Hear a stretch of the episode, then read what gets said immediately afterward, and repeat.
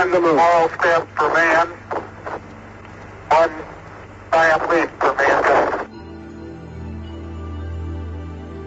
Dit was John F Kennedy wat die bal aan die rol gesit het met 'n toespraak wat hy op 25 Mei 1961 vir die Amerikaanse Kongres gelewer het.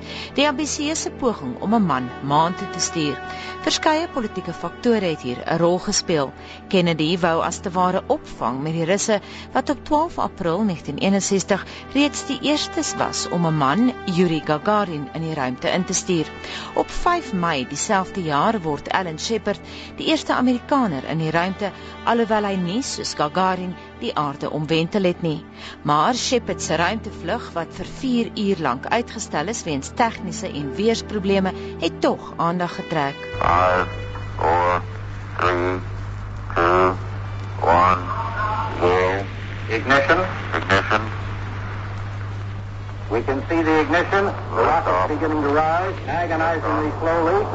The astronaut has turned on his clock, and here we go. We're on our way into space with Alan B. Shepard. I'll join you in just a second on another microphone.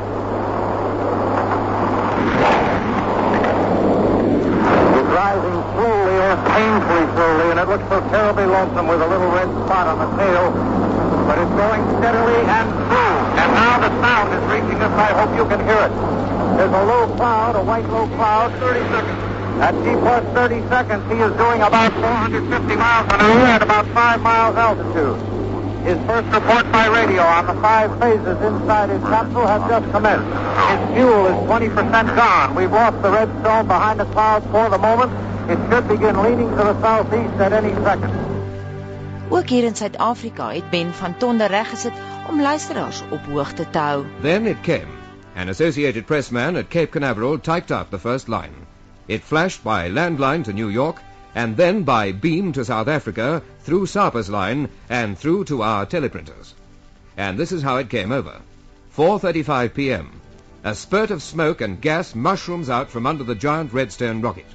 The skyscraper-like structure with its passenger far up in the nose gently lifts off. The smoke from the exhaust changes to a column of orange fire as the giant rocket streaks upward, past the critical point. Maar die Russe was die Amerikaners duidelik een voor. Boonop het die Sowjetunie se Luna 2 ruimtetuig reeds op 13 September 1959 op die maan geland, alhoewel die woord land dalk nie die gepaste een is nie. Luna 2 het teen hoë spoed op die maan neergestort, waarna die Amerikaners die Russe se voorbeeld in 1962 gevolg het met die ruimtetuig Ranger 4. Dit was egter die Apollo 11 sending wat die wêreld se kollektiewe verbeelding aangegryp het. Op 21 Julie 1969 land Neil Armstrong, Buzz Aldrin en Michael Collins op die maan, alhoewel dit Neil Alden Armstrong was wat die eerste man in geskiedenis word om op die maan te loop. He is undoubtedly. I'm going to step off the limb now. He's stepping off. He has put his left foot off on the surface of the moon. Man is That's on the moon. Small step for man. Giant leap for mankind. One small step for man, one giant leap for man. Neil Armstrong's first words on the surface of the moon. Surface is fine and powdery.